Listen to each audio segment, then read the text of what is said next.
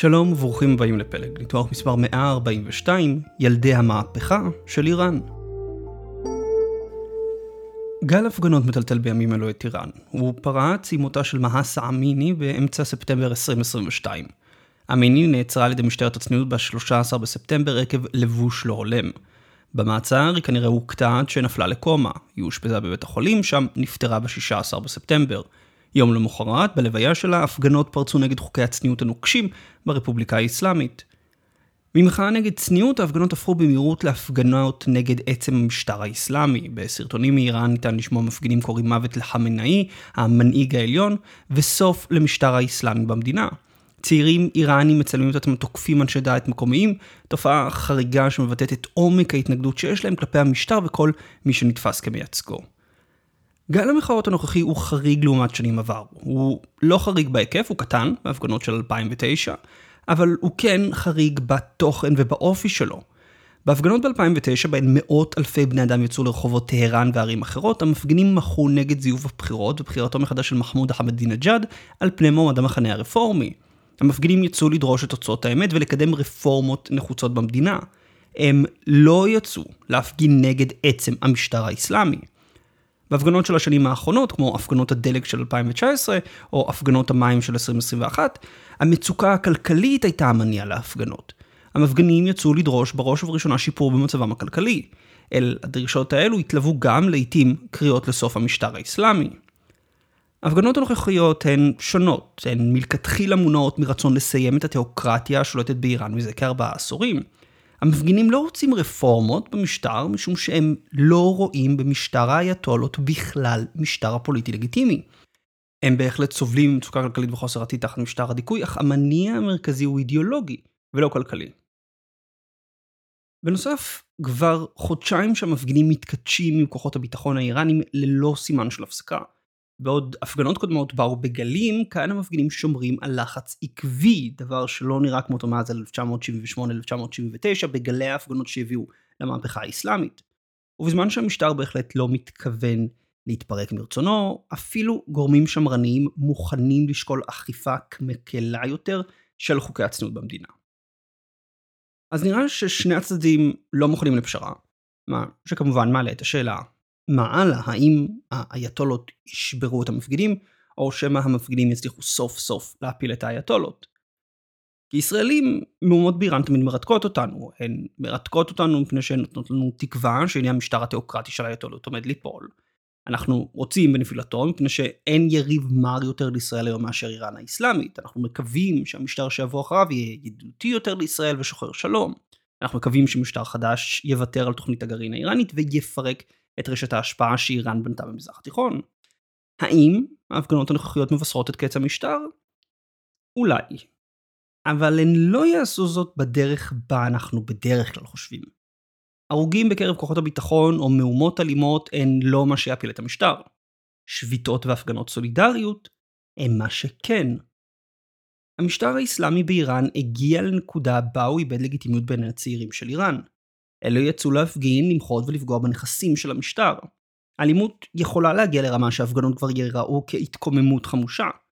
אולם כל עוד המפגינים לא יצליחו להשיג תמיכה מצד חלק גדול מהאוכלוסייה, כל עוד הם לא יצליחו להביא לצדם חלק מכוחות הביטחון האיראנים, שינוי פוליטי לא יקרה. המפגינים ימשיכו לצאת לרחובות, תמונות של ארס ימשיכו לזרום והאייתולות ימשיכו לשלוט. בניתוח היום אנחנו נכיר את הכוח המניע מאחורי ההפגנות הנוכחיות, את דור הזומרים של איראן, נלמד מה דרוש כדי שמהפכה תצליח, וננסה לסמן מה חשוב ומה לא, בהתפתחות גל המחאות באיראן. הכל בניתוח היום. בואו נתחיל.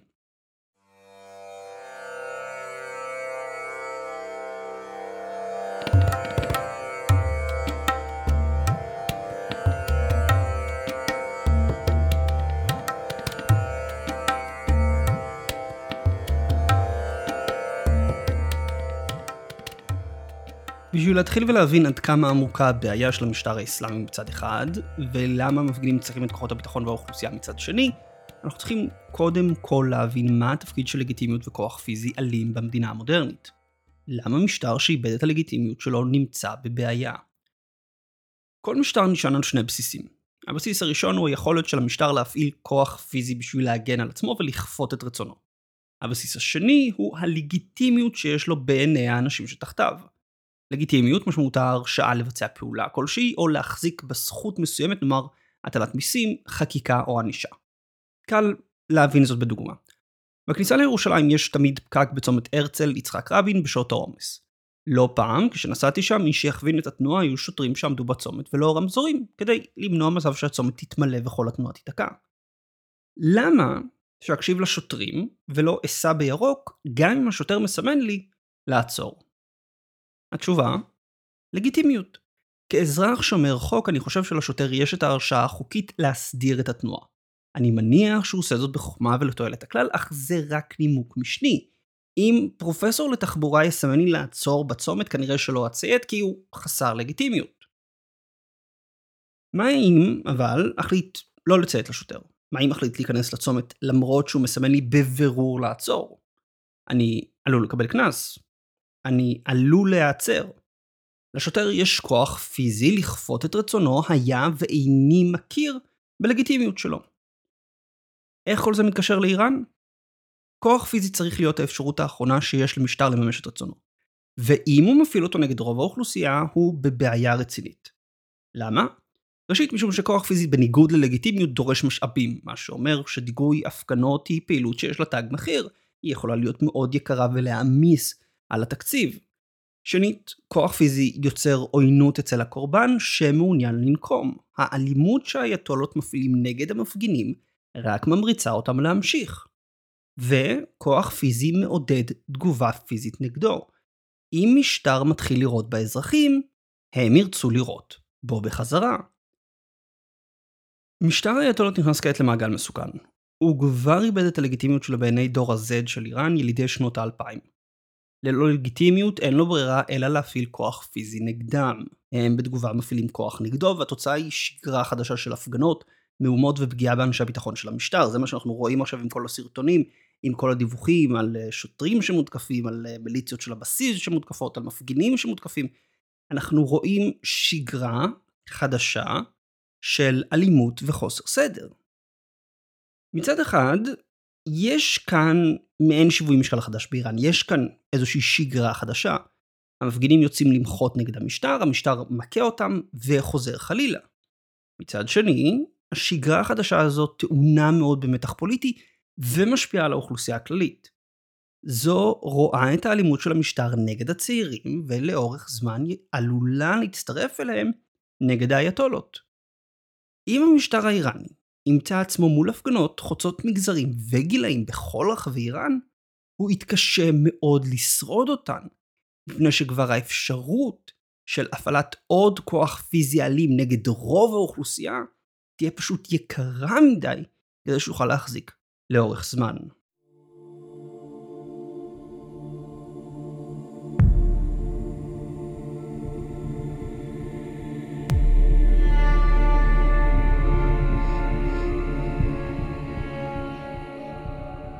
מי הם הצעירים שהיום יוצאים להפגין בהמוניהם נגד המשטר? מה המאפיינים שלהם? מה הם שונים מדורות עברו? דור הזומרים האיראני נולד בין 1997 ל-2012 ומהווה כ-10% מהאוכלוסייה. רוב ההורים של הדור הזה שייכים לדור השרוף של איראן, מי שנולדו בין 1972 ל-1988. הסיבה שקוראים להורים של הזומרים האיראנים הדור השרוף, הוא משום שהם גדלו תחת המהפכה האסלאמית של 1979 ומלחמת איראן-עיראק של 1980-1988. הדור גדל על אינדוקטרינציה מהפכנית וגדל על הלהט המהפכני של המלחמה בין איראן לעיראק. אבל כבוגרים בשנות ה-90, הדור הזה דחה את הערכים המסורתיים עליהם גדל. הוא זעזע את הממסד הדתי בהתנהגותו בשנות ה-90. סטודנטים שסירבו ללימודי דת, נשים שהסתובבו בלבוש גברי כדי לחמוק ממשטרת הצניעות, סמים וזנות שהפכו לתופעה נפוצה. הדור השרוף דחה את הערכים הדתיים של המשטר וניסה בכל הזדמנות לממש את החופש האישי שלו. ביולי 1969 הוא זעזע למשך שבוע את טהרן עיר הבירה בהפגנות נגד אלימות המשטר. הילדים של הדור הזה, דור ה-Z באיראן, כבר גדלו לא תחת הצל של סדאם והפגנות הסטודנטים בשנות ה-90, כי אם תחת הדיכוי של המשטר האסלאמי. הם לא חוו את האימה של המשטרה החשאית של השאה, כמו הסבים שלהם. הם כן ראו את האלימות של משמרות המהפכה והבסיז'. כילדים הם ראו ב-2009 איך המשטר שובר את התנועה הירוקה, אותה תנועת רפורמה שיצאה להפגין נגד זיוף הבחירות. כמבוגרים צעירים הם ראו ב-2019 את המשטר מדכא את הפגנות הדלק על ידי הרג של מאות אנשים. ב-2020 וב-2021 הם ראו איך הממסד הדתי במדינה מהנדס את הבחירות לפרלמנט ולנשיאות, כך שיזכה המחנה השמרני. אם הדור השרוף רק דחה את הערכים הדתיים עליהם הוא גדל, דור Z האיראני מתנגד לעצם הקיום של המשטר האסלאמי. הם רואים איך המשטר האסלאמי לא מצליח לספק את הצרכים הבסיסיים של העם. הם יודעים שאין להם עתיד כלכלי באיראן תחת הסנקציות שהמשטר הביא על עצמו. ואולי הכי חשוב, הם יודעים אודות לאינטרנט שזה לא חייב להיות כך. חדירת האינטרנט באיראן עומדת היום על כ-84%. לשם השוואה, הנתון בישראל הוא 90%. על אף ניסיונות חוזרים ונשנים של המשטר האסלאמי לחסום את הגישה לאינטרנט ולדכא את השימוש בו, לאיראנים יש גישה לאתרים ורשתות חברתיות מערבים, ואיראנים רבים נמצאים באינטרנט. דור ה-Z האיראני ספציפית, כמו מקבילו במערב, גדל בתוך סביבה דיגיטלית, וכמו מקבילו המערבי, הדור פעיל מאוד ברשתות חברתיות, כמו אינסטגרם וטלגרם. האינטראקציה ברשתות החברתיות, באינטרנט, עם העולם החיצון, עוזר לדור Z להבין שמה שהם חווים לא חייב להיות ככה. הם לא חייבים לחיות תחת משטרת צניעות, הם לא חייבים לפחד מהשלטון שלהם, הם לא חייבים להיות מוגבלים במה שהם יכולים ללבוש, לשתות או לעשות. הם מודעים לחירויות שיש במערב ונראה שהם הגיעו לנקודת השבירה שלהם. המוות של המיני הוא הטריגר עבור הדור למרוד בשלטון האסלאמי. הוא שהביא להתפרצות של הכעס והשנאה שלהם כלפי האייתולות. המיני היא חלק מהדור, היא הייתה רק בת 22 במותה, יש לה, היה לה, דף אינסטגרם. והיא נהרגה בגלל הלבוש שלה, מפני שהרעלה שלה לא הייתה בדיוק כפי הדרישות של משטרת הצניעות. המיני היא הסמל של דור שלם שמרגיש שהוא מת תחת התיאוקרטיה. וזו הסיבה שההפגנות הנוכחיות שונות מהפגנות קודמות. הן שונות משום האופי הרדיקלי והאלים שלהן שנובע מההתנגדות היסודית של דור ה-Z למשטר האייתולות. לפי הערכה אחת, מספר הרוגים עד כה בקרב כוחות הביטחון כפול במספר הרוגים במהלך הפגנות 2009. וכמו שאמרנו, ההפגנות כאן שונות במשך הזמן שלהן. הן נמשכות ברציפות כבר מעל חודשיים. כן, מספר המשתתפים עדיין לא גדל, אך המפגינים שיוצאים לרחובות לא נרתעים מהאלימות שהמשטר מפעיל נגדם. אין לאייתולות עוד הלגיטימיות בעיניהם, והאייתולות, ללא ברירה אחרת, מפעילים נגדם כוח פיזי בשביל לשבור אותם. וזה, בדיוק זה, המאבק הזה שבין צעירים שיוצאים להפגין, לבין משטר שמוכן לפעול באלימות נגדם, עלול להיות הסוף של המשטר האסלאמי.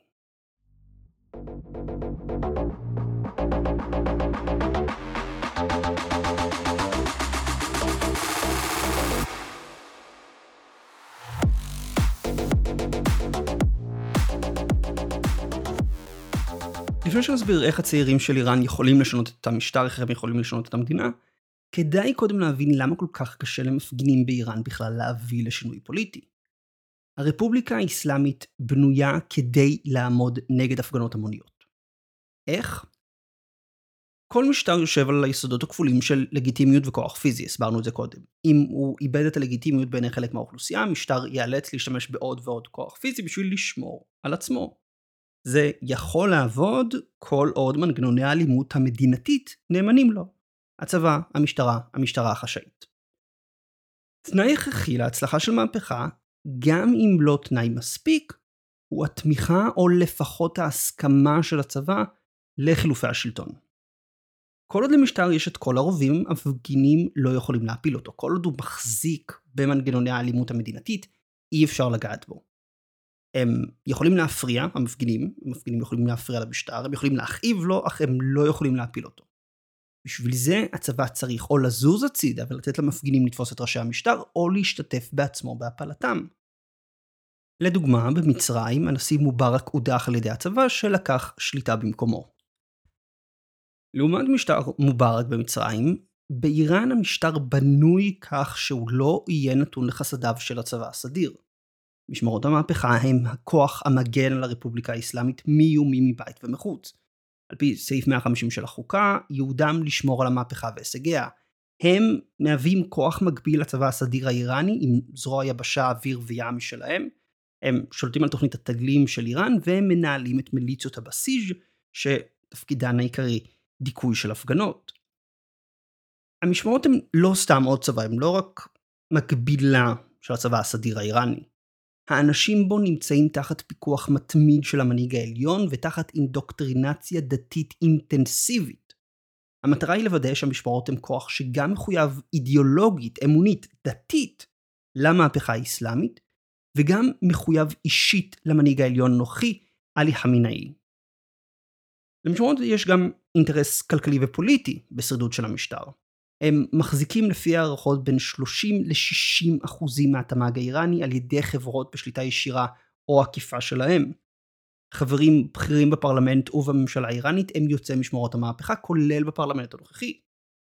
האנשים במשמרות המהפכה מרוויחים ומרוויחים טוב מהמשטר האסלאמי הנוכחי. ולבסוף, אם יתלו את האייתולות בכיכר העיר, כנראה שהמפקדים של משמרות המהפכה יתעלו לידם. המשמרות לא רק מזוהים עם המשטר האסלאמי, והם לא רק ברמה העקרונית מחויבים להגן על המשטר האסלאמי, ולא יהיה להם שום מקום במשטר דמוקרטי, המשמרות השתתפו באופן פעיל בדיכוי האלים של מחאות, כולל גל ההפגנות הנוכחי. היה והמשטר ייפול, מפקדי המשמרות, קרוב לוודאי, יועמדו לדין על הפשעים שלהם נגד העם האיראני. משמעות המהפכה עם הביטוח של האייתולות נגד התקוממות של הצבא. יותר מזה, הכלי המרכזי של המשטר נגד המפגינים. משום שהמשמרות והגופים הכפופים להם, במיוחד מיליציות הבסיג', מחויבים אידיאולוגית למשטר, הם משמשים לשם דיכוי אלים של הפגנות. במקום לשלוח חיילים סדירים, כמו במצרים, באיראן המשטר שולח את המשמרות, הוא שולח את האנשים שנאמנים לו. ככה הוא שומר את הצבא רחוק מהערים הגדולות, ומקטין את הסיכון שחלק מהיחידות יסרבו פקודה ויצטרפו למפגינים. הוא דואג לבודד את הצבא הסדיר מההתרחשויות הפוליטיות. אז איך בכל זאת הדור הצעיר של איראן יכול להביא לשינוי פוליטי?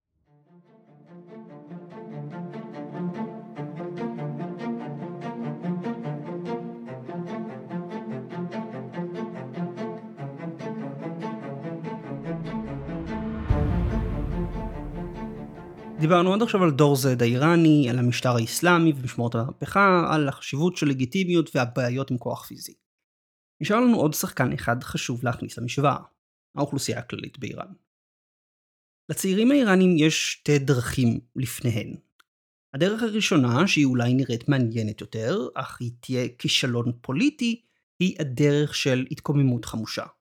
הצעירים יהרסו, ישרפו ויהרגו את נכסי המשטר. הם ינהלו קרבות רחוב נגד הבסיג', ינסו לתקוף בסיסים של המשמרות, וייצרו אווירה של טרור והרס בערי איראן. הדרך הזו כנראה לא תסתיים בשינוי של המשטר. משמרות המהפכה מונים כ-190 אלף בני אדם. לא משנה כמה תהיה אינטנסיבית פעילות הטרור של הצעירים, מנגנוני הביטחון של איראן קרוב לוודאי יוכלו להכיל אותה ולטפל בפעילות הזאת. המנגנונים האלו הם גם לימודי ניסיון, הודות להתמודדות ארוכת השנים עם ההתקוממות הבלוצ'ית בדרום המדינה ומחבלים כורדים במערבה. הם כנראה מצוידים הרבה יותר טוב, הם כנראה מאומנים הרבה יותר טוב. כלומר, ללכת במסלול של התקוממות עממית, של התקוממות חמושה, יהיה ללכת במסלול שאליו משמרות המהפכה כנראה מוכנים. אבל זו לא הסיבה שההתקוממות תהיה טעות. ברגע בו תנועת המהכה תהפוך תנועת טרור, שהצעירים יהפכו, יסומנו כגורם טרור, הם יאבדו את השפעתם מול השחקן השלישי הכי חשוב בדרמה האיראנית, הציבור הכללי. כרגע ההפגנות הן בעיקר של צעירים ממעמד הביניים שהפכו מתוסכלים מהמשטר. בזמן שהם העתיד של איראן, הם אינם ההווה של איראן. כל עוד ההפגנות והמהומות נעשות בעיקר על ידם, המשטר יכול לשמור על סוג של שגרה, עסקים נשארים פתוחים, מפעלים עובדים. כל עוד ההפגנות לא מתפשטות באוכלוסייה האיראנית, הסיכון שחלקים בצבא יצטרפו אליהם קטן. עבור המשמרות זה יהיה סימן שיש תקווה לשבור בסופו של יום את ההפגנות. מה אם זה ישתנה? מה אם ההפגנות יתפשטו לשאר האוכלוסייה? מה אם בעלי עסקים יודיעו על שביתות? אם עובדים יסרבו ללכת למפעלים? מה אם הצעירים האלו יוכלו לבוא ולהגיד לצבא האיראני, אנחנו העם, אנחנו מקבלים את התמיכה של העם, ועכשיו אתם צריכים להחליט האם אתם נלחמים נגד העם או נגד השלטון שמדכא אותו. מה יקרה אם המפקדים בצבא יצטרכו לבחור בין לעמוד בין הצד בזמן שמדכאים את ההפגנות בהן נמצאים הילדים שלהם, האחים שלהם, האחיינים שלהם, או שמא לבוא ולצאת להגנתו של העם שהם אמורים, לכאורה, להגן עליו. זה כבר יהיה איום הרבה יותר משמעותי על המשטר האסלאמי. אם זה נשמע מופרך, ראינו תרחיש הזה כבר קורה בשנת 2000 בסרביה. הרודן הסרבי מילושביץ הודח מתפקידו במהפכת הבולדוזרים שהכוח המניע בה היו סטודנטים צעירים חברי תנועת אוטפור, התנגדות בסרבית. התנועה דגלה במחאה לא אלימה כדרך להשיג את הסימפתיה של האוכלוסייה הכללית. איך עושים את זה?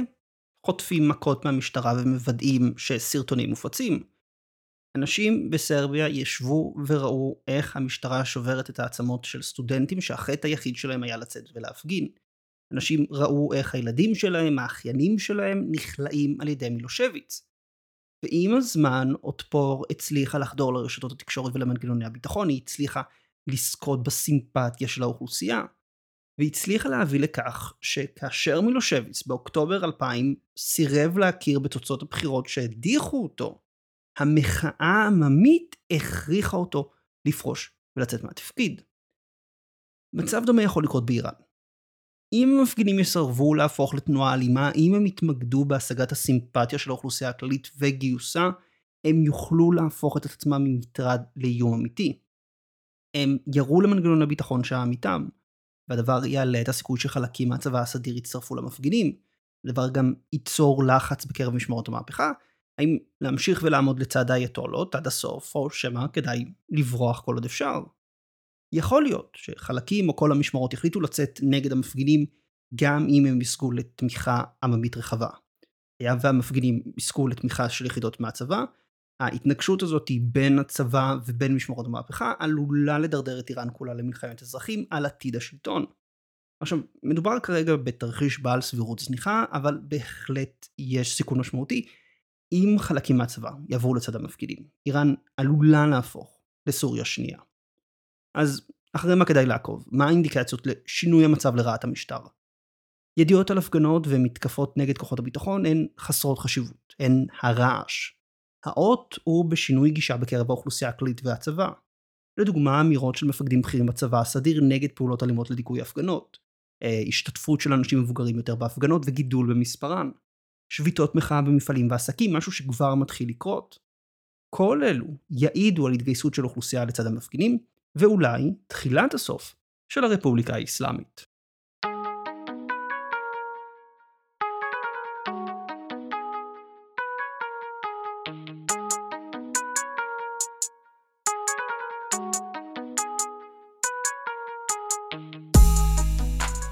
איפה ישראל בכל הסיפור? לכאורה גל ההפגנות הוא הזדמנות לערער את איראן, אולי אפילו לתקוף את מתקני הגרעין שלה בזמן שהמשטר ממוקד פנימה. זו חשיבה שגויה. מתקפה ישראלית על מתקני הגרעין האיראנים, או למען האמת על כל מטרה איראנית משמעותית, נגיד מתקני הנפט שלה במפרץ הפרסי, בשלב הזה תהרוג את גל ההפגנות. ברגע שנתקוף את איראן, הציבור יתאחד מאחורי ההנהגה, ומי שייצא להפגין נגדה, ייתפס כבוגד ומשתף פעולה עם האויב. המשטר השתמש במתקפה שלנו כדי לשנות את השיח הציבורי מכזה של זכויות, של חופש אישי ורווחה כלכלית, לכזה של האיום הציוני והצורך להגן על איראן מפני אויביה. אנחנו נעשה שירות לאייתולות אם נתקוף עכשיו. בעיה דומה היא אם נתמוך בצד האלים של ההפגנות. אם ייתפסו משלוחי נשק שיהיה ניתן לקשר אותם לישראל, אם המשטר יוכל להוכיח שהמפגינים מקבלים סיוע מגורמים זרים, יהיה לו קל לצבוע אותם כבוגדים וכמזימה חיצונית נגד איראן, במקום תנועת מחאה לגיטימית. אגב, המשטר כבר מנסה לעשות זאת. עדיף לה לישראל לא לתת לאותם גורמים, עדיף לה לישראל לא לתת למשטר את ההוכחות לטענות שלו. מה כן כדאי לישראל לעשות? ראשית, למנף את האלימות האיראנית בבית ואת המכירה של חימוש משוטט לרוסיה כדי להביא עוד מדינות להטיל סנקציות על המשטר. במיוחד ישראל צריכה לבחון כיצד לנצל את שעת הרצון לחסימת האפשרות של יבוא גז איראני לאיחוד האירופי. דיברנו על האפשרות הזו מספר פעמים בין השאר בניתוח על החשיבות הגיאו-אסטרטגית של איראן. ישראל יכולה לנצל את ההזדמנות כדי להבטיח שאירופה לא תהיה תלויה בטהרן לאנרגיה. שנית, תמיכה מוסרית ודיפלומטית במפגינים, אבל לא צבאית. ישראל צריכה לקדם גינוי של איראן באו"ם, הפגנות תמיכה במפגינים ולאפשר לקול של המפגינים להישמע במערב. ישראל צריכה להראות למפגינים שאנחנו איתם, ולעזור ליצור לחץ בדעת הקהל הבינלאומית נגד האייתולות. ושלישית, תמיכה טכנולוגית. קרוב לוודאי שהמפגינים משתמשים באינטרנט כתשתית לארגון הפגנות, תיאום מסרים והפצת סרטונים וידיעות. אין ספק שהמשטר מנסה לפגוע בתשתית הזו כדי לפגוע במחאה. ישראל צריכה לעזור להם לשמור עליה. איך? לדוגמה על ידי פגיעה ביכולות הסייבר של המשטר, במיוחד היכולת שלו לסנן ולחסום את האינטרנט. או לעזור למפגינים לתמרן בין כלי הצנזורה של האייתולות. חימוש של המפגינים לא יועיל להם בטווח הארוך. הקרב המרכזי שלהם הוא גיוס והנעת האוכלוסייה כולה לפעולה.